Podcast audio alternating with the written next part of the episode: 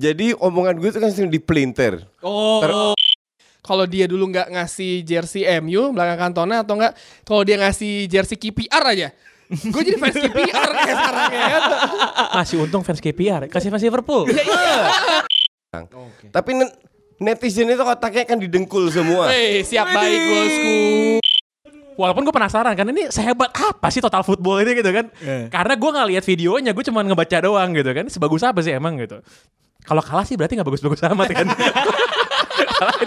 Ini orang memang agak songong. Dari dulu SMA. Lu bully pasti SMA ya? Dan pasti SMA lu bully kan? Ya, lu bully kan? Pernah lu bully kan? bilang dia songong, sesongong apa ini sepertinya.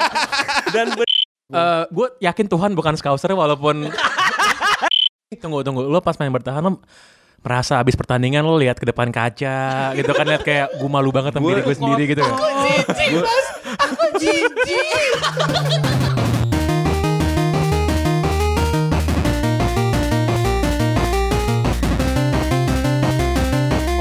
podcast Retropus buat episode keberapa nih? Ke-15 Yoi. episode spesial ya. Dia mau dia dia dia cuma pengen pamer kalau ada banyak episode. Karena pas kita bikin berdua, kita tuh berkelakar gini. Eh, eh kita bikin podcast deh di di pod- di podcasting belum ada nih yang yang bikin bola gitu kan. podcast Indonesia pertama eh, sepak bola yang di Spotify ya. Iya, terus udah gitu kita belum ngomong, ah paling kalau para pandit bikin podcast ya paling udah aja anyep gitu kita nggak ada yang dengerin lagi. Dan ternyata bener Andri. Hilang aja udah hilang aja hilang. Gue gue sih sering eh lo belum intro gue siapa ya? Ntar orang gak tau suara gue tau? Eh. Kayaknya nggak perlu ya. Kayaknya nggak perlu. Aduh, humble break humble break tidak tidak berguna di sini. Biar official ya hari ini kita bareng tiga teman-teman dari Box to Box, ada Coach Jasin, ada Blok blok gitu. ada Bang Pange sama Bang Tio. Oh iya, jangan salah lagi ya. Bang Tio Edwin. Ya. Mancing, mancing. Bang Tio Erwin. Orangnya udah nelfon gua kok minta maaf personal udah. Oke, jadi kita ke sini tadi min- mau minta tolong aja gitu ya. Tolong dong biar kita official gitu. nah, di sini kita sih pengen tanya-tanya aja karena kan ini ceritanya Retropus kan supporter kan. Ketemu sama Pandit kan. Dan biasanya kan para supporter suka pada bacot ya coach ya di Twitter ya coach ya. Iya, betul. Jadi Kita jelaskan di sini. Iya, jadi rasanya kalau ngomong di Twitter tuh gampang gitu. Tapi ke ke Coach Justin, ke Pange protes-protes tuh gampang, ke Bang Tio juga protes tuh gampang. Cuman kalau ngomong langsung tuh gredek gredek juga. Banget. Tadi dari kantor Febri bilang, aduh dedek banget gue. Udah sampai sini lu selalu keliling dunia dulu Dulu lagi. keliling dunia dulu lagi. Jalan kaki dari pas face ya nggak? Oke, gue pengen pertanyaan yang enteng-enteng dulu lah untuk teman-teman pencinta Manchester United. Wih gila asik. Eh, pecat Ed Woodward atau Mourinho?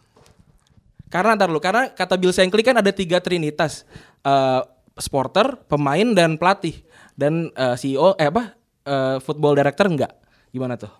Kalau kalau disuruh mencat sih gue bakal mendepak Edward Ward tentu saja tapi dia kan nggak mungkin didepak karena secara komersial secara finansial buat Tugasnya bener buat lah. Glazers sih ya dia sangat-sangat menguntungkan. Yang paling bener sebenarnya sih me- apa ya mengurangi otoritas sih dan mengurangi kesotoyan sebenarnya.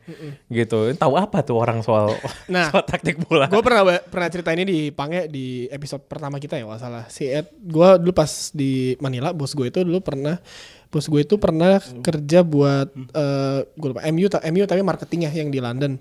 Dia sih bilang kalau Ed Woodward datang ke London itu kerjanya party coy. Bu. joget mulu. Jadi kayak habisin sama berduit. Jadi ya benar kata pakai kurang kesetoyannya deh. Eh harapannya sih itu sih. Karena ya benar nggak nggak mungkin dipecat juga. Lo anak kesayangannya Glazer juga. Banker JP Morgan dulu. Sama kayak sama kayak Gita Wirjawan. Banker JP Morgan. Sekarang gini iya iya benar benar Berarti Terus- kemungkinan dipecatnya malah Mourinho lebih tinggi ya? Nah, cuman se- kalau secara kalau secara persentase iya, tapi apakah Mourinho akan dipecat? Enggak, karena kenapa pesangonnya gede banget. 15 juta doang kan? Itu gede banget lah buat Buat seorang buat biaya mencat. buat Iya, mencat itu iya gede sih. banget. Tapi kan dia udah pernah dipecat 21 juta sama sama Chelsea. Nah, nah, tapi sih selama selama performance sama posisi gitu masih masuk zona Champions League sih nggak bakal dipecat sih. Nggak bakal Kemarin dipecat. udah dibisikin ya si Woodward. Shake him tuh kemarin. Ada yang? Nah, nggak cuman sekarang si si Mourinho mikir yaudah lo boleh ngebrief semua wartawan karena kalau mau tahu semua wartawan itu kan di brief semua tuh sama sama lo tuh kan. Nah kalau si Mourinho tuh ke fans makanya sekarang tuh akrab banget tuh iya sama fans kan. Oh iya, iya gue lihat videonya tuh yang Iya. ada fans Lo, kan, lo, lo udah lihat belum? Ada yang pas mail online kalau nggak salah yang nge-tweet dia bilang eh gue boleh ngambil gak video yang Mourinho itu terus kata dia enggak nggak boleh lu budak-budaknya Woodward gitu. Iya. Jadi ada waktu itu di YouTube tuh ada eh, fans MU yang kecil eh, dengan keterbatasan di naik kursi roda gitu. Pas eh, Mourinho nonton eh, United Under 23 lawan siapa sih waktu itu yang si Diogo Dalot main tuh lupa gue. Eh apa namanya? Palace ya? Palace apa Stoke? Lupa lah ntar itu lah ya. Terus si Mourinho-nya dipanggil-panggil gitu, dipanggil kayak Jose, Jose gitu. Jose ini kan Jose kayak 10 tahun lalu kayak nggak bakal kayak apaan siapa loh. Jadi nyamperin orang-orang pada akhirnya pada selfie sama dia nyamperin dan untuk seorang Jose Mourinho mungkin untuk menyaksikan pertandingan under 23 aja udah menurut gue suatu hal yang pemandangan yang ajaib kan. Terus ke fans dan ke pemainnya mungkin dia berusaha untuk lebih humble ya. Ya kalau bisa dilihat Luke Shaw lah Mourinho itu kayak nunjukin, nah ini nih pemain yang yang yang sukses gue tai-taiin, habis itu jadi bener nih musim ini. Gitu sih. Oke, ini pertanyaan selanjutnya nih buat coach. Coach, lebih haram sepak bola bertahan atau makan nasi bareng pakai tang- pakai sendok? Karena kayaknya benci banget gitu sama sepak bola. Sebenarnya ada apa sih coach? Salah pertanyaan sama orang Belanda nanya pakai sendok. Sebenarnya sa- Orang Belanda pakai sumpit ya. sebenarnya a- ada Enggak, enggak, personal gini, gini. personal Ja, apa sih coach? gak ada. Oh, enggak ada. Ja, jadi omongan gue itu kan sering dipelintir. Oh. Ter- Baik, bosku. termasuk sama Pange. jadi Kalau lihat mukanya Sa- Pange kayaknya waduh. sama domba-dombanya Pange dimakan mentah-mentah. Padahal pada saat Pange baca ketawa dia. Jadi bukan masalah bertahan. Kalau kalau apa namanya tim yang gue bahas soal bertahan itu kan biasanya tim besar. Oke. Nah untuk gue itu haram. Tapi kalau kita bicara Stoke City, seandainya gue pelatih Stoke City atau pelatihnya Fulham atau what, tim menengah ke ba- ke bawah lah, gue harus lawan tim besar ya jelas gue bertahan. Oke. kemungkinan besar. Karena dari si- sisi kualitas tidak memadai untuk bermain tiki taka contoh. Ya kan? Iya, benar. jadi pelatih itu akan bunuh diri untuk menerapkan strategi yang tidak sesuai dengan kapasitas pemain oke? Yang gue kritik adalah tim besar di bawah Mourinho terutama seperti Real Madrid seperti MU itu kan memalukan Nah ini itu yang gue kritik. Jadi bukan masalah bertahan. Gue sebagai pelatih lima tahun itu, gue juga pernah bermain bertahan lawan tim yang besar di atas gue dan itu gue menang. Tapi kalau kita Thailand melawan tim yang menengah ke bawah, gue selalu menyerang. 80% gue menyerang. Itu waktu itu yang cerita lo yang, yang lawan, lawan Thailand bukan sih? Lawan Thailand, ya, ya. Lawan Malaysia, lawan Thailand. Pernah gue main bertahan yang berlawanan dengan filosofi gue lah. ka- Kasarnya begitulah. Tapi kembali lagi, tunggu tunggu lo pas main bertahan lo merasa habis pertandingan lo lihat ke depan kaca gitu kan lihat kayak gue malu banget sama diri gue sendiri gitu kan.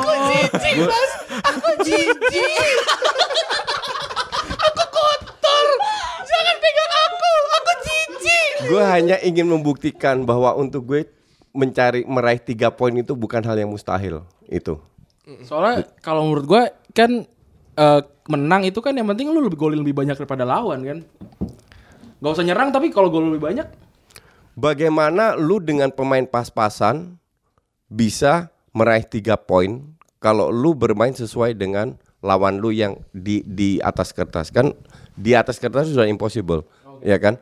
Nah sekarang kalau lu bicara tim besar seperti MU main bertahan untuk gue itu jijik seperti yang Tio Tio, Tio, Tio tadi bilang ngerti nggak? Ngerti ngerti ngerti. Nah bahkan seorang Cristiano Ronaldo aja pernah clash dengan Mourinho karena pada saat itu mereka bermain bertahan lawan Real Madrid dan ujungnya kalah juga.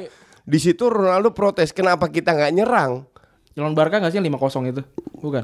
gue lupa pokoknya kalah lah. Dan dan kalau lu lihat kalau kita bicara data lihat 10 20 15 tahun terakhir dari tim yang juara entah itu timnas entah itu Champions League European League berapa tim sih yang main bertahan dengan juara?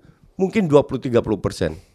Ujung-ujungnya 70 80 persen juara dengan bermain menyerang. Oke. tapi nen- netizen itu otaknya kan didengkul semua Eh, siap baik bosku.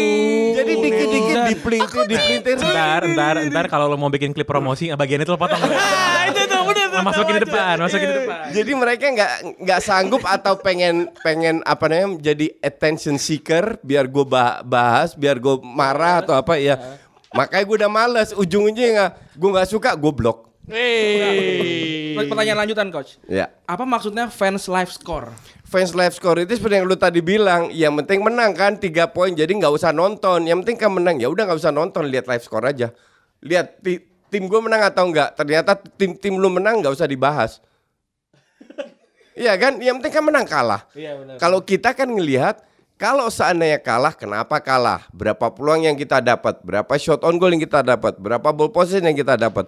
Kalau seandainya lu tetap kalah, tapi lu bermain bagus, at least prospek untuk next gamenya ada. Tapi kalau lu kalah, lu walaupun kalah hanya 1-0, tapi lu bermain jelek banget, nyaris nggak dapat, nggak ada ball possession, nggak ada create chance, nggak ada apa. Lu sebagai pelatih kan mikir gimana next matchnya. Jadi kalah itu kita belah lagi kenapa alasannya kalah? Apakah karena beruntung atau memang layak kalah atau emang nggak ada prospek? Nah di situlah kita bisa bahas untuk next matchnya. Oh itu, Gitu. Itu para netizen. Kalau mau nge-tweet sama eh, Coach Jasin tuh minimal harus yang sama, yang nyerang-nyerang juga. Gue tuh biasa gak berani loh ngetut coach Justin. tapi, tapi bener sih, waktu gua ke sini gua ngecek lu, gua di blok nggak ya? Oh enggak. tapi tapi kalau misalnya Justin sih gue selalu bilang kalau misalnya kita bikin diskusi gue selalu bilang lo kok di Twitter Justin galak kan nah, aslinya tuh bapak-bapak humble bener bener bener bener bener. Nah, sekarang gua mau nanya sama Bang Pangen nih. Gimana pendapat lu soal Valen Jebret? Maksudnya kan dia waktu kemarin yang bulu tangkis terus eh ya sepak bola gitu banyak yang protes lu nih ngapain sih teriak-teriak kayak gitu? Menurut lu gimana? Sebenarnya gini, sebenarnya kan kalau lo lihat komentar itu, live komentar itu kan ada berbagai macam genre lah ya. Kalau misalnya gue kan ya gue sangat UK minded banget lah. Gue kalem lah kalau misalnya dulu gue zaman play by play gitu. Karena karena memang referensi gue kalem ya. Lo nggak akan pernah lihat ini kan lo nggak akan pernah lihat siapa ya. Kayak misalnya Dalam, John apa? Dalam. Iya nggak ada gitu komentator Inggris gitu yang ngomong teriak-teriak. Ada sih sebenarnya sih gue lupa namanya siapa tuh ada satu orang. Jadi dia orang Inggris tapi gayanya kayak gay Latin gitu. Cuman dia sendiri pun udah di, udah udah ditempeleng sama orang-orang TV di sana gitu. Karena te- karena terlalu berisik. Cuman kalau lo nanya sama gue soal kayak gimana sama gaynya jebret gitu.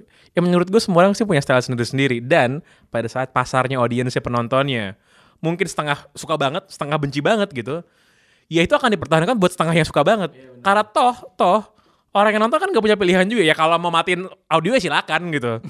gitu. Cuman buat cuman buat setengah yang menikmati, ya, ya itu sebenarnya udah cukup jadi alasan buat buat itu tetap diadain sih dan kalau buat dia secara marketing personal sama secara bisnis sih bagus banget.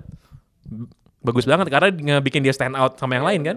Dan yang kayak di Italia tuh yang ngefans banget sama Milan tuh yang engkong-engkong itu. iya iya ada tuh ada Tahu gue, tahu tahu tahu gue. Gilardino, Gilardino. Ntar, ntar gue masukin klipnya.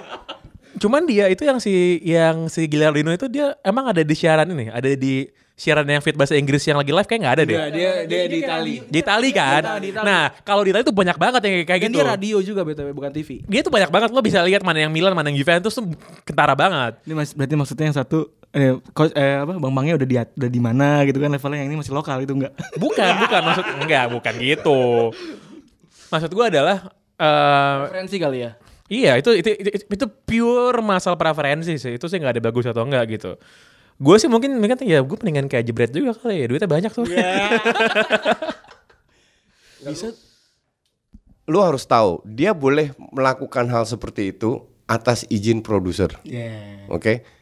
Seperti gue kalau di net ngomongnya bisa lebih Belak-belakan. belak-belakan daripada di BIN. Contoh. Iya. Emang semua ada karakter TV sini dan lain-lain. Selama dia diperbolehkan, artinya TV juga lihat dong, ini menjual, ini ada pasarnya. Ya kan? Maka dari itu tambah ekstrim lagi yang dilakukan jebret. Tapi jangan salah sangka, apa semua yang dia lakukan itu berdasarkan research. Dan kalau lu lihat yang dia katakan setahun yang lalu beda dengan sekarang. Jadi dia itu kreatif, dia bekerja untuk melakukan hal-hal walaupun untuk gue juga nggak banget. Ngerti nggak? Dan lu mau nggak melakukan itu?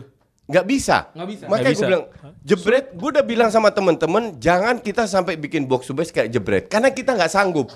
Bukan kita nggak, kita tidak sanggup. Gini. Oh, iya, eh, Ka- Gini. karakter kita berbeda. Betul.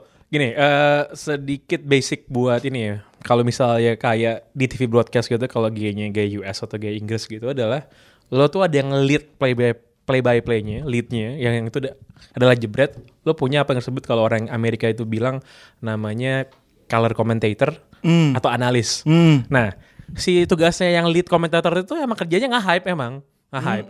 Lo ngegambarin oke, gitu. oke. Nah, insight, tri- trivia segala macam itu si tugas si partnernya. Analisis, Sama anal- kayak Peter Duri sama Jim Bagley. Yes, betul. Jim Bagley itu bekas pemain. Segala insight pro, expert segala macam taktikal tuh dari dia. Bekas main mana? Bekas pemain Liverpool.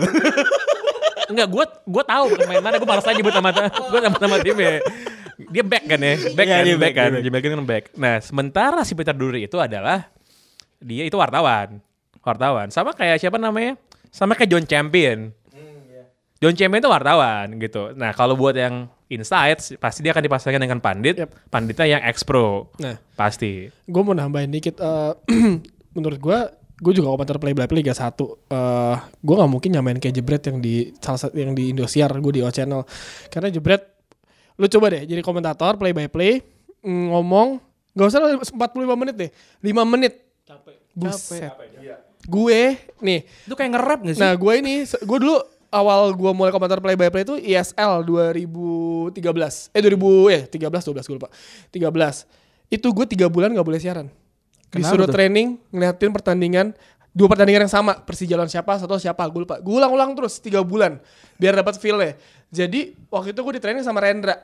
Eh gimana caranya lo bikin orang konsepnya begini, gimana cara lu bikin orang ketika tim lu nyerang, tim tim ini di TV nyerang, orang yang lagi kayak misalkan lagi nonton, eh misalnya lagi kayak main handphone, lagi masak, lagi ngapain lah nggak TV, tiba-tiba balik badan ke TV. Oke. As simple as that. Itu yang dilakukan sama Jebret. Dia balik, lu balik badan, set langsung ngeliat, eh apa nih? Kayak gitu. As simple as that. Pa- Percaya apa suka apa nggak suka, balik lagi kepake itu selera, produser dan lain-lain. Eh, lu mau gini. menurut ini setelah teori gembel gue setelah kemarin gue diserang sama netizen yang budiman gara-gara soal Newman ya itu gue komentator gue kala itu adalah beneran kayak beneran kalem gayanya waktu gue komentar di BIN gue komentar pertama di BIN berisik gue dimarahin kok sama mereka berdua nggak boleh Oke. Bisa gue kalem, kalem ngikutin kalem ya. Gue cuma kata-kata kesalahan itu doang. Itu tetap salah. Jadi apa pun sebenarnya apa pun yang lu lakuin di televisi, lu komentator play by play mau lu berisik, mau lu kalem, pasti tetap aja disalah-salahin juga. Kalau misalnya soal itu ya kan kalau misalnya lo memegang saluran komunikasi publik gitu ya, komunikasi massa, lo mau di TV kayak lo mau ada di Twitter, di Instagram, pokoknya lo kan ada di depan orang banyak gitu kan. Ya lo nggak akan lo nggak akan mungkin bisa nyenengin semua orang sih. Gitu. Jadi ya udah. Dan dan faktanya Rensu dan Jebret kan paling ngetop, Iya benar. Paling laku. Paling laku. Jadi artinya walaupun banyak dikritik oleh netizen maha benar, mereka tetap paling dicari oleh TV, oleh brand, Iya. oleh oleh dari dari sisi ko- komersialnya itu luar biasa. Dan dan dan gue yang gue paling salut dari Jebret atau nggak apa? Sa- Salah satu komentator pandit favorit gue dari gue kecil kan adalah Bungkus ya Kusna Yo, ini ya. Bungkus. Gitu ya. Sekarang Bungkus gayanya udah kayak Jebret. Keren banget. Ada lagi nggak tambahan? Udah. Udah oke itu doang. Oke, udah ya. Nah, eh, kan sekarang ada kasus ini Denmark tau gak sih yang Iya. nggak mau nggak mau main Iya, pemainnya. iya. Nah, kalah 3-0 ya. Yang manggil main futsal kan? Iya, jadi pakai Iya, pemain manggil futsal. main futsal, nah, iya. Gue pengen tanya coach, eh, Iya. kalau di timnas tuh kontrak pemainnya gimana sih? Kalau menang dapat berapa, kalah berapa, gimana sih? Jadi em, setiap pemain timnas itu pasti ada bonusnya. Cuman lu lu tidak bisa samakan budaya di Indonesia sama di di, Di luar, Eropa. Eropa. Ya. Kalau kalau pemain kayak di kita nggak dikasih bonus terus atau bonusnya dikit nggak main selesai lo. Gak ada yang mau main. ibarat karir lu bisa diselesaikan oleh PSSI atau dan dan dan Oke. lain-lain. Kalau di di di, di luar beda. Tapi kasus ini gue bilang agak aneh karena Eriksen Kasus sebagai Denmark kapten, ya Denmark. Eriksen kapten mengatakan bahwa oke kita tidak melanjutkan negosiasi yang baru, oke kita teruskan nih eh, perjanjian yang lama dan itu ditolak sama FA-nya Denmark ditolak mentah-mentah. Jadi mereka benar-benar di-cut. Lu ambil tidak diajak nego lah kasar dan begitu. FA-nya Denmark bilang ini yang kita berikan take it or leave it. Oke. Padahal Eriksen berusaha untuk cari jalan tengah untuk dua match ini dan ujungnya ya ada li- ada lima mahasiswa yang main eh, tukang inilah tukang itulah Iya, iya. dan kalahnya 3-0 is not that Tapi bad itu lah. gila ya buat si para pemain yang bukan pro ini main gitu. Gue punya satu cap timnas tuh keren, keren banget ya. Tapi Saman kayak ke, Kejair apa? Kia Kiair apa enggak? Kiair. Yeah. Saman Kiair. Tuh juga bilang kan kalau ini agak sedikit settingan juga dari si Nah, PSSI-nya. da- dari FA-nya Denmark nampaknya seperti itu. Untuk gua agak aneh Eriksen, Kjær dan lain-lain itu kan gajinya udah gede. Iya, bener. Tapi still mereka bilang kita berkat kerja keras kita, kita menghasilkan banyak duit untuk FA-nya Denmark. Oke. Sekarang kenapa kita tidak berikan sedikit, bukan kita matre, tapi dihargai. Nah, masalah ini kan kembali lagi ke angka. Tapi gue memang melihat di sini bahwa FA-nya ini play hard to get. Intinya adalah kalau lu nggak mau ikutin timnas gue, lu nggak usah main di timnas lagi. Nah, sekarang masalahnya pemain dari divisi 1, divisi 2 itu solider. Makanya mereka ambil dari divisi 3 sama pemain futsal. Yang emang butuh kerjaan kan. iya. Yang yang butuh caps. Eh, Gila lo ada siapa Em- namanya? em- emang gila cuman sampai kapan FA-nya Denmark bisa main play hard to get ini? Gue rasa nggak lama karena mencoreng nama mereka juga ya kalau ada namanya Budi dibantai. siapa Budi eh, Budi Jorgensen gitu ada siapa di Iya, Denmark iya. kan? Budi Jorgensen, pemain amatir. Danish International gitu kan. Keren Yang kan? PR tuh yang PR gue kebayangin lagi Yang PR komentator atau pas lagi ini Anjir ini datanya dari mana gua soal pemainnya ya kan Kata harga tiketnya dibikin cuman dibikin jadi satu euro. Harga Iya. tiket pertandingan ya karena ngapain nonton tim pro lawan dan ini kan? satu euro itu untuk eh, charity juga. Untuk charity. Iya. Gitu. Tapi sedikit tambahan, waktu di timnas zaman gue, gue lima tahun pelatih timnas itu memang duitnya dikit banget. Nah sekarang tergantung gue bagaimana memotivasi pemain dengan duit sangat sedikit tapi kita fight. Bisa nyebutin berapa nggak coach? Lupa tapi dikit banget. Ya pak, paling selama event itu, selama event berjalan kan kira-kira seminggu 10 hari. Paling nggak sampai 5 juta Per orang. per orang. Dan dan itu mungkin sa- 100 200 dolar dikit banget lah. Untuk level timnas ya. Tapi kalau lihat prestasi kita di, dibanding pelatih yang sekarang yang ra- ratusan juta kita lebih baik. Wih sedap Dulu kita masuk empat besar AFF merem Berarti satu kaki. Luis Milla yang 2 miliar per bulan tuh Enggak, dua ini ini juga lu 2 miliar itu bukan untuk Luis Milla. Oke. 2 miliar itu untuk bertiga. Jadi dua asisten plus Luis Milla. Oke. Jadi kalau di, di, di, dibilang 2 miliar untuk Luis Milla, that is not true. Tapi di sisi lain, harga dia, harga pelatih Eropa yang bagus, yang udah juara U20 aja emang segitu. Kalau kita nggak bisa bayar nggak ada masalah ya pecat aja simple kok. Oke. Ini di pertanyaan baru nih, udah berarti udah terjawab ya tadi. Ada pertanyaan buat Tio deh.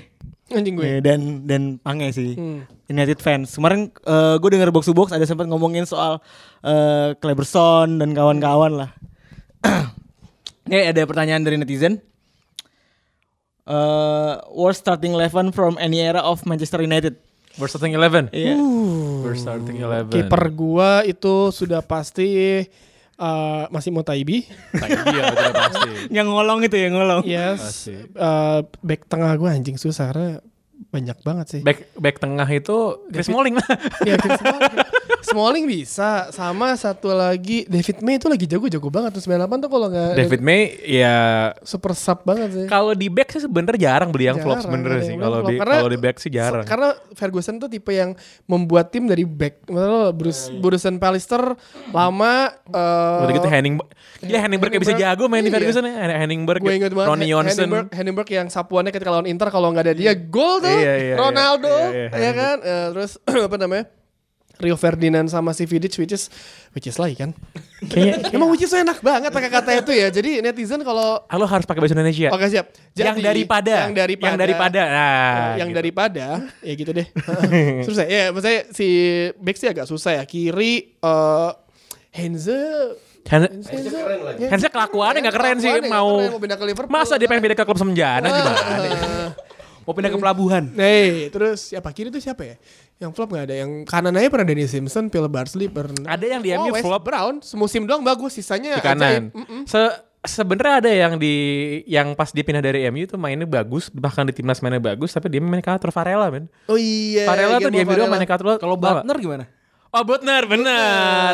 benar, Tuh Gipsy tuh orang satu tuh. John Oshie nggak disebut John Oshie, nggak masuk. Oh John Oshie bagus. lagi. John Oshie, injury time. And Johnny marching. And Johnny marching down the wind. Oshie. Oshie. When Johnny marching down the wind. Oshie. Oshie. When Johnny marching down the wind. The Stratford and the gonna sing. We all know that Johnny gonna score. Mampus sih lo sebutan pemainnya. salah kandang, Web, salah kandang. Lu tahu. Ini wak- kan wak- numpang alat doang ya, jadi kan. waktu pembelian Butner itu satu Belanda ketawa. Bukan satu, bukan klubnya satu Belanda ketawa.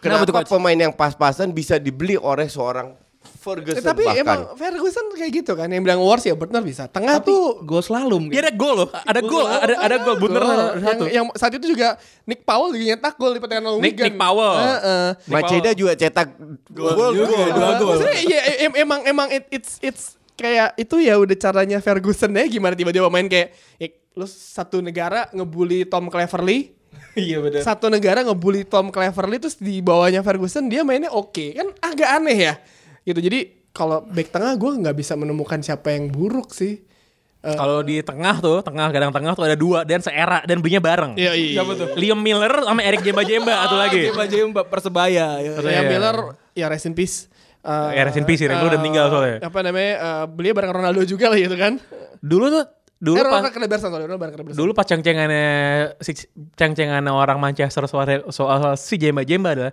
Eric Jemba Jemba. He's so good they name him twice tuh. Soalnya sama kayak Okocha kan, Jai Jai Okocha. Iya, Jaya Kocha nih Itu Jemba Jemba. ngerti, Dia bener-bener pengganti Roy Keane kan dibeli pengganti Roy Keane kan. dia mah? Liam Miller pun juga di the next Roy Keane Iya. semuanya akhirnya ujung-ujungnya siapa Alan Smith Alan Smith sampai DM. kakinya patah gitu. Dengan siapa? ya siapa lu jahat sih pemainnya lu Eh, Kalau ngeliat mereka mau jawab tapi nggak mau gitu. Tadi gue dikasih can cuy. tapi patah tuh Kalau kayak Obertan terus kayak siapa BB gitu gimana? Kok BB sih Gini, kan ya. kan kan sebenarnya kalau yang paling flop yang paling worst itu adalah kalau kenyataan itu jauh di bawah realita kan. Eh sorry, kenyataan jauh di bawah ekspektasi. Iya. Gitu. Kalau yang tadi lo sebut teman-nama back-back itu tuh semua itu sebenarnya over di atas ekspektasi semua tuh kayak John O'Shea, Henningberg segala macam, Ronnie Johnson. Cuman kalau kayak Obertan itu kan dulu kan Obertan nih pemain sayap baru, kenceng banget larinya. Lu kan. lihat lu lihat di YouTube nggak?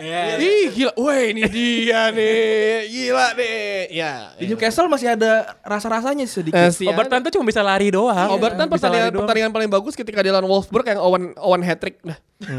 Sisanya kayak aduh apa? sih? Kalau BB sih enggak lah. Kak. Maksudnya kayak BB yang dari awal dari awal tuh udah ngaco udah. Lo, Lo- lo- beli, beli pemain gak pernah lihat main lo. Lo pernah lihat BB BB pernah dulu pas lagi mau masuk si sama McFillan atau siapa yang yang ngasih instruksi ke BB ditranslate sama uh, Rafael atau Fabio karena mirip ya se- kembar ya di, di, ditranslate jadi kayak McFillan ngomong ke, ke si Fabio atau Rafael set nyampein ke BB BB oke oke pas masuk crossingnya ya salah bus Dan BB itu BB itu pas masuk sebagai pemain pengganti diganti kan dia. Iya. Diganti dia. Diganti. Bahkan untuk 45 menit aja dia nggak sanggup. Enggak, enggak, enggak kalau itu. Cuman yang paling parah lagi yang yang aneh juga sih itu Deng Fa- Dong Fang Chuo. tuh. Fang Chuo. Oke. Dong Fang Chuo tuh ngapain dibeli tuh aneh banget gitu. Dia- Naikin ini aja marketing. Enggak, soalnya buat buat ukuran pemain Cina pun dia nggak bagus gitu kan. Di zaman itu Everton beli Dia dari Liti. SMA kan? Dari SMA ada ke Iya iya iya dulu dulu tuh dulu Everton punya Liti sama siapa ada dua kan ada dua tuh. Iya. Suni, Suni. Bukan kok itu mah M City deh. Sun Ji Hai mas uh, City Susun Jaya City ada Van Ji dulu satu lagi di itu Palace ada dua lah ada dua tuh. Nah, si Dong Fang Chuo aja di da- di dalam timnas Cina tuh nggak jago gitu dianya. Jadi emang bukan pemain bintangnya dia gitu. Nah itu aneh banget kalau misalnya ada gitu. main kok pas datang. ke gue lupa ke Chelsea yang ke Guard of Honor yang si ada ya? Mainin tim kedua semua Ada lagi Mama Bedam Diouf tuh juga aneh sih. Iya udah udah. Pas dibeli tuh aneh banget. Sama satu lagi Manucho tuh nggak? Manucho. Oh, Manucho. Yang yang golin Angola ya, sundulan. Angola. Orang Angola ya. Yang yang gol sundulan dari luar kotak penalti. Iya, Manucho. Kalau nggak salah itu dia Manucho. Kira lu masukin Forlan gitu. Foran enggak lah kagak. Gue Liverpool. Kalau nggak mau Liverpool, Diego Forlan. Buka baju. Diego Forlan. Mantep kan pancingan gua. Buka baju. Aduh. Oke, pertanyaan terakhir nih, pertanyaan yang apa kita siapkan pamungkas nih. Eh ini udah kita tanyain di episode kemarin sih Eh, sama teman-teman yang dengerin juga. Ya gimana ceritanya, momen apa yang bikin kalian bertiga jadi fans sepak bola? Apa yang membaptis kalian sebagai fans sepak bola? Oke, coach. Yang paling tua dulu. Oke, yang paling tua Soalnya dulu. banyak yang lama dibaptis ya soalnya. gue itu dulu pertama kali main bola itu SD kelas 4 5 di Surabaya di SD Santa Clara. Angka tahunnya berapa tuh? 777 ya, Oke. Tahun 77. Tahun 79 gue kan pindah keluarga ke Belanda. Oke. Nah, di situ gue masuk SSB yang namanya SSB Holland. Nah, kan gue baru tahu juga bahasa Belanda masih belepotan, ikut teman-teman main bola. Beruntung gue rada bisa main bola, jadi temen gue banyak. Masuklah SSB itu dan ter- ternyata gue juga baru tahu yang di Utrecht ini semua fansnya FC Utrecht. Oke. Di tahun di di situlah mulai ikut ikut eh, ke stadion FC Utrecht. Akhirnya beli beli karena teman-teman gue semua beli eh, tiket terusan dan gue ulang tahunnya di 28 Juli. Liga mulai Agustus. Jadi tiap kali ulang tahun kado dari orang tua gue itu tiket terusan. Oh, enak banget. Jadi pas banget gitu loh. Maka dari itu mulailah dari tahun 79 itu, tahun tahun 79 udah mulai dukung FC Utrecht. Jadi mulainya dari situ Klub favorit pertama lu tuh? Sampai detik ini. Yoi. Gitu. Tegas ya, tegas. Oh iya Biarpun dong. dicengin terus tapi Ne- tegas. never die. Ternyata ada backgroundnya cuy. Nggak asal Nggak asal doang. Dan kalau lu tahu banyak sekali pemain teman-teman gue dulu itu main di youth-nya FC Utrecht. Tapi yang satu-satu berhasil itu Jean Paul de Jong. Yang pelatih Utrecht yang baru dipecat. Itu 14 tahun main di FC Utrecht. Itu adik kelas gue di SMA. Jadi emang dari dulu memang memang bagus. Bahkan di awal musim gue sempet chatting di Twitter sama temen gue yang di Belanda fans FC Utrecht. Gue bilang gue nggak yakin dia lama karena ini orang memang agak songong. Dari dulu SMA. Lu bully pasti SMA ya? Dan pasti SMA lu bully kan? Ya, lu bully kan? Pernah lu bully kan? bilang dia songong. Sesongong apa ini sepertinya? Dan bener setelah empat pertandingan dipecat. Lu bully gak pas. SMA coach pertanyaan gua? Gue itu dari dulu udah suka ngebully. Ya udah, dari cowok. kecil jadi jadi Ini bayangin jadi coba tahun ternyata tahun 87-an udah ada media sosial. Masuk penjara kayak dia, heeh. ja- jadi ternyata memang ka- kalau gue flashback ya, gue ternyata memang gue dari dulu suka ngebully orang orang. Nah kembali lagi kalau lu di Belanda nggak suka sepak bola, lu nggak punya temen. Lu bayangin masuk ke ko- komunitas orang putih, lu satu-satunya Asia, satu-satunya Asia, bahasa Belanda ble- belepotan ya, lu harus menunjukkan bahwa lu belong to their group lah, kasarnya kan begitu. Nah, salah satu itu lewat sepak bola. Coach, eh, terakhir Ajax sebelum 95 juara, terakhir kali mereka juara tahun berapa? I don't care kalau lu tanya Oh, Ajax. maksudnya eh, kan udah udah lama Cha- banget champion. champion gitu. Oh, udah enggak lagi. Eh, Pas pas pas Cruyff terakhir. pas Van Gaal. Pas tahun enggak itu kan tahun 95. Itu mereka Ya. juara terakhir kali. Terakhir kali tahun ya. 70-an itu 3 tahun berturut-turut Iya, juara. Iya. Katanya bawanya sampai ditenteng biasa Iya, gitu. heeh. Ya, ya. Itu zaman Johan Cruyff dan Feyenoord pun sempat dua kali setelah Ya. itu juara itu itu uh, apa namanya? Emang Iya sebenarnya kalau top-topnya tim-tim Belanda yang top-top ya Feyenoord, Ajax, PSV pernah juara champion Iya, semua ya. Kalau yang nggak Iya. top memang ya. Nggak penting untuk kita juara, yang penting hati kita di Yang penting di kalian Ajax gitu. ya, Kita semusim dua fight. kali. Kalau kenapa Barcelona lu suka? Barcelona suka karena Bar- Barcelona dari dulu sampai sekarang influence Belandanya itu kental banget. Rinus Michel ya? Dari dari Rinus Michels. Michel. Dari Rinus Michels ke Johan Cruyff, akhirnya turun ke uh, Frank Rijkaard, ke Van Gaal, akhirnya ke Pep dan Pep pun sampai detik ini mengakui gue bisa bermain bola pada gue ngerti bola pada saat gue kenal Cruyff. Jadi sebelumnya dia nggak ngerti main sepak bola itu seperti apa. Pada saat dia kenal Cruyff baru baru dia tahu sepak bola itu seperti dan sampai detik itu dia menerapkan filosofinya Oh, Johan oke. Cruyff. Maka dari itu gue udah 6, kali ke Barcelona, pertama kali tahun 86 dan kota Barcelona itu top banget. Tanya Pange. Itu gue setuju sih. Itu, top banget. Itu kota favorit They have everything. Mereka punya pantai, mereka punya gunung, banyak sekali hijau dan kok sangat terorganize kotanya itu top banget. Mak- Punya museum sa- sa- Salvador Dali lagi. Salah satu itu. Oke, pindah ke Bang Tio dulu. Apa momen yang membaptis lu sebagai fans sepak bola? Nggak ada. Gua pas tahun habis Euro 96 gue ingat banget almarhum eyang gue balik dari jalan-jalan ke Eropa, which is dia nonton Euro ya saat itu. eyang gue nonton almarhum, almarhum eyang putri gue nonton Euro, balik-balik. eh Inggris, Inggris, Inggris. Eh, It's coming home. It's coming home lah. It's Heeh. coming home. Tahun ini it's coming home. Nation League. ya, pokoknya dia balik. Iya. Terus eh dibalik ke Jakarta, gue kira masih 7, 7 atau 8 tahun deh, lupa. Eh, bawain gue jersey Manchester United belakang Cantona. Yang baru bisa gue pakai setelah SMA kelas 1 karena gede banget ya. karena waktu itu kayak yang gue juga gak perlu. Jadi saat itu mulai saat itu gue berpikir karena dulu di otak gue ya gue lebih suka main video game ya. Enggak berpikir untuk main untuk suka bola. Jadi semenjak itu gue eh, receh sih sebenarnya tapi sangat bermakna karena eh, pas eh, yang gue meninggal pas SD gue pakai baju itu sih pas di pemakaman karena Kedombrongan berarti. Iya gue nggak gue nggak gue kalung gitu karena gue mau me- mewek kan gue pengennya. Waduh. Eh, Tribute gitu ya, tribute. Ya karena gue pikir kayak, oh kalau nggak ada dia, gue sekarang mikir kayak misalnya gue bisa ada di sini. Kalau dia dulu nggak ngasih jersey MU belakang kantona atau enggak, kalau dia ngasih jersey KPR aja, gue jadi fans KPR kayak sekarang ya. kan. Masih untung fans KPR, kasih fans Liverpool. oh, gue, gue, gue, gue pernah punya cerita nih. Uh, bokap gue dari uh, dari Singapura, balik-balik ke rumah dengan bangganya. Eh, bapak, uh, bapak punya oleh-oleh nih. Wih, gila apa nih dari Singapura? Gue pikir ya, ya kayak snacks atau apa. Tiba-tiba set kasih satu apa kantong pas gue buka jersey Liverpool nomor 11 coy Harus lu siapa? Riera kan itu Gue pikir masih Rodriguez kan nomor 11. Eh, mohon maaf dulu Bapak. kayak eh, B kan gue fans MU ya ini ya serah kamu lah kira gue jual deh ya gimana ya dibeli ambil ya gara-gara yang gue kira gue mencoba ya saat itu kan eh, informasi belum banyak ya. 94 gue ingat ya nyokap gue beli boneka-boneka si Piala Dunianya. Yang anjing, yang anjing. Yang anjing itu. Anjingnya. Gue inget banget kok dulu beliin oh gue main karena belum ngerti kan masih bocah juga 94 umur berapa tuh 96 akhirnya Euro dibeliin jersey gue belum ngerti juga kira gue mulai pelan-pelan ikut SSB dari namanya SSB SS SSC sekolah sepak bola Ciledug sedap ya kan ya main SSC Napoli itu kalau di Napoli kan SSC kan kan. Kalau kalau BP PSG iya getas.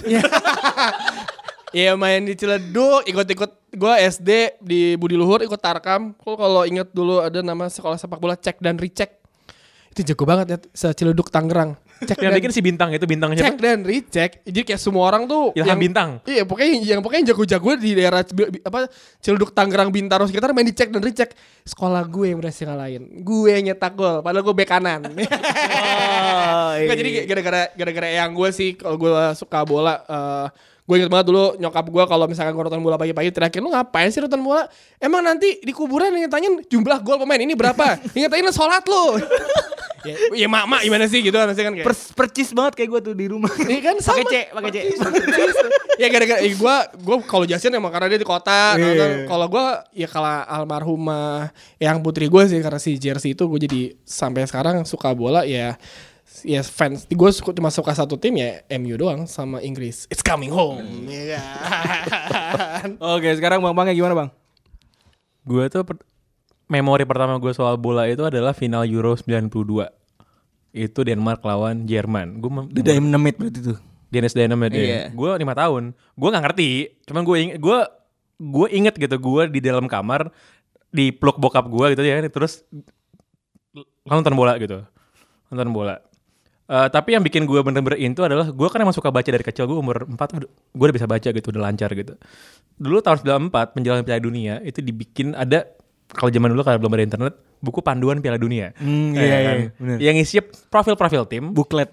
bukan buklet buku tebel. Buku gue gue inget banget buku udah gitu eh itu isinya tim-tim profile dan sejarah Piala Dunia dari tahun 30 sampai 94 waktu itu Oke. dan gue baca itu berkali-kali gitu. Sam- sampai sekarang gue bisa nyebutin dari tahun 30 sampai tahun 2018 tuan rumah Piala Dunia siapa yang menang siapa tuh gue bisa nyebutin semuanya gitu. Udah gitu kan ada ya lo baca soal kalau soal Pele sama Maradona kan bokap gue udah sering ceritain kan. Eh, sampai aneh-aneh lah yang buat umur segitu kayak gue tau Garinca gitu keren banget gitu kan. Gue tau Beckenbauer sama Johan Cruyff. Gue tau Johan Cruyff kalah dua kali di final tuh gue gue umur tujuh tuh gue udah tahu beneran Walaupun gue penasaran kan ini sehebat apa sih total football ini gitu kan? Karena gue nggak lihat videonya, gue cuma ngebaca doang gitu kan. Sebagus apa sih emang gitu? Kalau kalah sih berarti nggak bagus-bagus amat kan? Nah, nah itu fans live score. itu fans live score itu. Kalau kalah jelek, kalau menang bagus gitu. gitu. Terus gue nonton Piala Dunia pertama kali tahun 94 dan itu kan jamnya agak bersahabat ya karena main di Amerika, di sini pagi soalnya. Iya, benar. Di sini pagi. Dan itu kan Juni Juli, libur sekolah dong. Dan friendly buat anak kecil banget. Friendly kan, buat anak kecil, anak buat anak kecil libur gitu. sekolah kita dulu tiga sebulan ya sebulan, kan. sebulan gitu. Tim favorit gue dulu tuh, tim favorit gue dulu itu Nigeria. Kenapa? Kalau gol joget-joget soalnya. Daniel Amokachi men bikin gol. Daniel Amokachi itu ke tiang corner joget-joget pasti. Terus pas gue lihat Nigeria kayak gitu, terus ada Kamerun. Kamerun keren juga. Kenapa joget-joget juga soalnya? gitu. Cuman ya tahun segitu namanya juga ini tahun segitu kan lagi kejayaannya Liga Italia ya. Gue selalu di, do, di do, dongengin sama bokap gue soal Milan. Soal Milannya Belanda tuh. Van Basten, Rijkaard sama Gullit. Walaupun tahun segitu udah disbanded ya, udah bubar tuh kan. Udah nggak ada Gullit sama Iya, Rijkaard sama iya, Van Basten iya. lagi gitu, udah nggak ada. Nah, dari situ gue pengen tertarik nonton Liga gue tertarik nonton timnas Italia. Gitu. Karena gue suka warna biru kebetulan. Gitu. Yang ternyata di apa? Sederhana sekali. Namanya juga anak kecil sama 7 Iya, tahun bener, gitu, 7 tahun gitu. Dan ternyata Italia mainnya juga nggak bagus-bagus amat di situ. Tapi ma- tapi masuk final. Masuk final Roberto Baggio kan Iya. kayak ini orang kok ada buntutnya gitu kan.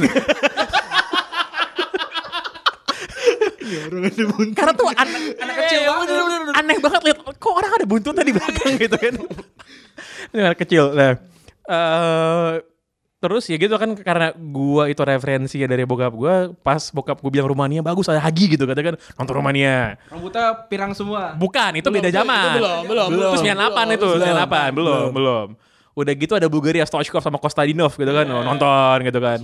Ada Swedia Thomas Brolin, Martin Dahlin sama Kenneth Anderson nonton Wih. gitu kan. Gitu. Terus pas pas final itu, finalnya itu adalah, kalau nggak salah hari pertama sekolah. Mainnya jam 4 jam 4 pagi, 4 pagi. Belanda eh sorry, kalau Belanda kalah di semifinal sama, sama Brazil soalnya. Brazil lawan Itali. Eh, Italia lawan Brazil. Udah gitu Baggio kan yang penalti terbang itu kan Iya. gitu. Gue tuh bener-bener nontonnya nontonnya pakai baju sekolah. Habis itu pergi gitu kan. Gitu. Pas nyampe sekolah gue pengen ngomongin bola gitu kan. Gak ada yang tahu. Ya nggak ada yang nggak ada yang ngerti gitu. Padahal gue pengen ngomong Itali katro banget gitu kan gara-gara kalah. Tapi nggak ada yang nonton. Orang nontonnya mereka masih yang lain gitu.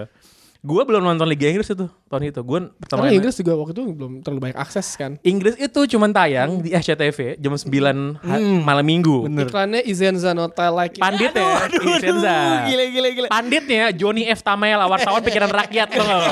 Ingat banget gue Johnny F. Tamela tuh. Tahun berapa itu? Tahun 95-an. 95-an. 95-an gitu. Karena semua saat Yang- 90-an itu semuanya eh, seri A semua. Seri ya, seri. Yang kita inget catur jatuh ya pasti. Catur jatuh. Catur jatuh. Kalau Serie A tuh Centro, Campo, Liga itu belakangan. Iya, iya. Itu belakangan. Kalau pas tuh catur jatuh tuh bener. ketur jatuh. Dulu gue pengen nonton seri ya sama. Gue pengen nonton Milan, pengen nonton Juventus gitu. Dan gue tuh nonton Champions League finalan Ajax itu gue dong dukung Milan dong. Milan kan soalnya orang bilang keren gitu kan, keren dan ternyata kalah gitu sama Ajax. Tapi gue nggak boleh nonton seri ya karena seri mainnya minggu malam. Mainnya jam 9, besoknya sekolah kan. Suruh tidur. Kalau malam minggu nonton jam 9, besoknya libur. Jadilah itu. Gue nonton MU pertama kali itu final FA 95, kalah sama Everton.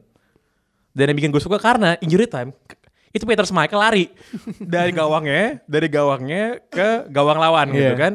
Buat anak kecil yang selama ini taunya bola 11 lawan 11 kiper di belakang doang, tiba-tiba dia ada orang pirang badannya gede lari-lari ke depan. Kayak, Anjing keren banget. keren banget gitu. Kalah sih. Kalah, cuman dari situ gue kayak "Hmm, asik juga nih tim gitu kan. Plus sering disiarin di, SCTV Iya. jam 9 gitu. Terus habis itu Euro ya. Abis gitu Euro dukung Inggris dong. Eh, enggak sih, enggak enggak. Gue Euro 96 tuh gue sebenarnya gue dukung Inggris karena MU tapi gue dukung Italia juga dan Italia katro banget di situ. Itu Casiraghi striker ya. Kasih lagi. Casiraghi udah gitu Zola kalau nggak salah nggak masuk tim. Gue gue ingat kok dulu pas gue SD dengan kesotoyan gue anak bocah 96 habis dikasih jersey yang- yang gue tuh gue selalu bilang Iya Piala Eropa yang selalu diadain di Inggris Ya bocah ya mohon maaf Gila itu main Kroasia lah, Davor Suker gitu kan, Davor Suker. Baru merdeka ya itu. Baru merdeka dan gue ya itu gara-gara bokap gue suka politik sama suka sejarah jadi kalau ngomongin bola pun dibawa-bawa ke sana gitu kan ini Kroasia negaranya baru nih gitu gitu sih kira-kira Tapi kalau nggak gitu mungkin tulisan lo nggak ada nyambung nyambungin sama sejarah pasti. Nge- kan tulisan lo kan sekarang gue kan suka baca Mostly, gitu kan. iya. gue kan suka baca apa pun. Jadi emang kalau lo lumayan luas horizonnya ya lo bisa melihat itu semua ada hubungannya gitu. Semua melihat- itu semua berhubungan gitu dan Piala Dunia 94 sama Euro 96 itu sih yang paling memorable buat gue ya. Tapi yang bener-bener shaping gue buat jadi fans United itu sebenarnya gara-gara David Beckham sih. Masih nomor 10 gak tuh? Jadi mainstream banget dong. Apa? Semua orang pengen jadi fansnya Beckham. Berarti bukan karena itu tadi si The, the Big Dan itu Oh enggak itu yang kalau itu yang itu sebenarnya awal perkenalan dan gue kan harus pick satu tim gitu kan. Ya, Yes. picknya situ gitu. Iya, iya. Cuman yang bener-bener gue intens ngikutin itu gara-gara Beckham dan sebenarnya bukan sebenarnya bukan gara-gara Beckhamnya doang sih. Gue kan kelas 6 SD. Kelas 6 SD, kelas 1 SMP lah gitu kan baru lo baru baru puber mimpi basah gitu gitu kan kan lo baru baru tahu namanya coli itu enak gitu kan ya, ya kan ya kan ya kan udah gitu lo pengen cari cewek-cewek idaman dong siapa gitu kan? Lo tau gak cewek idaman gue siapa men? Post Spice man Victoria Adams. Gitu.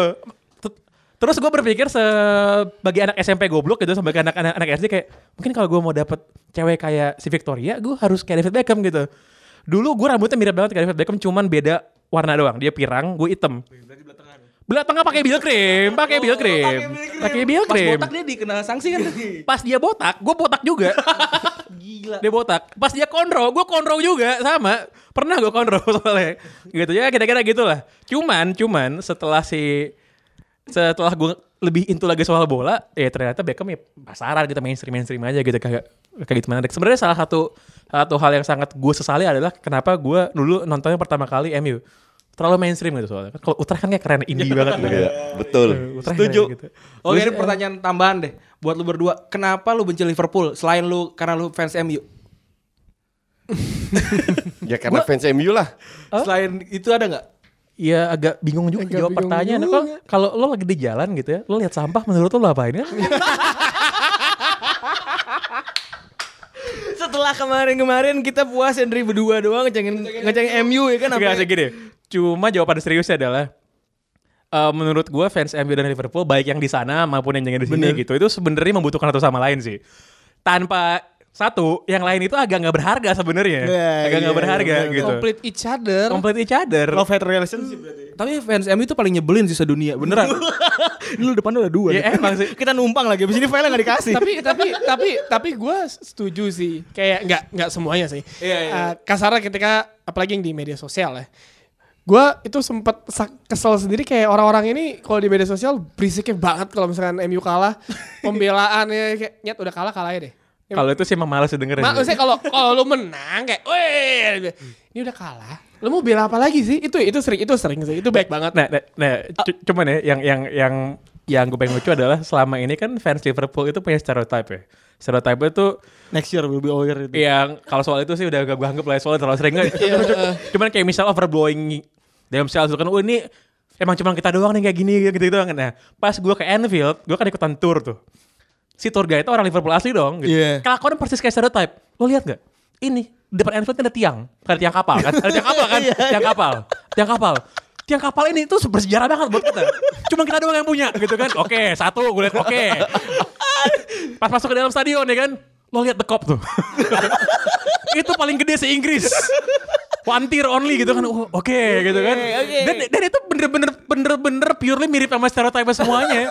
Pure, bener-bener plek-plekan kita kelakuannya sama banget. Segala macam itu sama banget gitu. Cuma kita doang yang kayak gini nih cuma kita doang kayak gini-gini gitu kan. Dan cuman kita doang yang ngomong next year. Tiap tahun next year. Tiap tahun next year gitu. gitu tuh emang emang emang emang lucu sih. Walaupun walaupun kalau buat dikunjungi bagusan Liverpool daripada Manchester sampah kotanya Manchester beneran. Tapi tahun ini takut dong sama Liverpool. Apa? Tahun ini takut dong sama Liverpool. gue yakin Tuhan bukan scouser walaupun ini quotesnya boleh banget gue yakin Tuhan bukan saucer walaupun walaupun kalau menurut scouser kan Tuhan itu Robbie Fowler katanya kan. Kalau kalau kalau Tuhan itu beneran Robbie Fowler gue mendingan ateis sih. Udah. Ini nggak akan naik lagi eskalasinya deh udah. Aduh, thank you banget coach. Ya sama-sama. Eh, Pange. Thank you, thank you. eh, Tio. Sama-sama. Oke, eh, ini kita podcast baru ya udah sampai sini gitu. Nanti nextnya kita nggak tahu bakalan eh, sama siapa lagi gitu, Beb.